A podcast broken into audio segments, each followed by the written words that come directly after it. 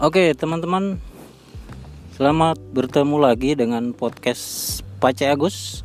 Kita masih dengan tema besar tentang uh, perubahan iklim. Saya sekarang berada di tengah-tengah areal persawahan Di daerah Sidokarto, Godean. Nah ini benar-benar saya ada di tengah sawah ya.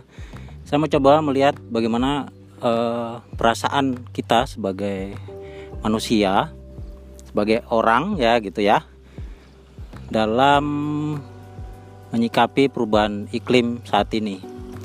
Cuaca cukup mendung, cukup uh, tebal ya mendungnya di sekeliling saya. Oh, bukan di sekeliling saya, di atas ya.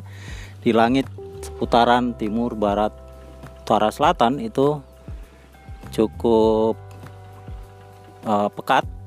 Kelihatannya sudah mau hujan ya. Di kejauhan ada areal persawahan yang sedang diluku menggunakan traktor dan terlihat juga banyak burung bangau putih atau dikenal dengan burung kuntul ya.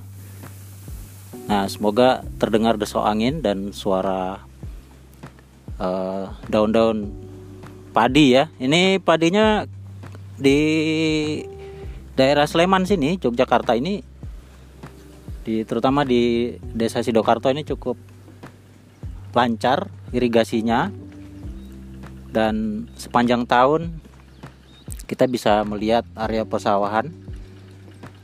Nah, dalam areal persawahan ini ini merupakan tanah kas desa yang diusahakan oleh penduduk sekitar atau yang dipercaya atau yang ditunjuk mungkin ya dengan kelompok-kelompok tani.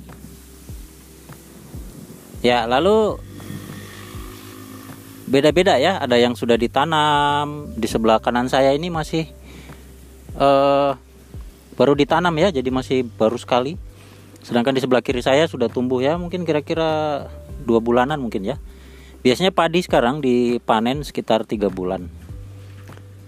Ya ini masih kental banget uh, suasana pedesaannya. Walaupun di kiri kanan sudah banyak dibangun rumah dan perumahan perkampungan sudah mulai padat tapi dengan areal persawahan yang masih ada, kita bisa melihat, uh, kita bisa menemukan ya, masih ada banyak burung pada saat dilakukan pembajakan sawah.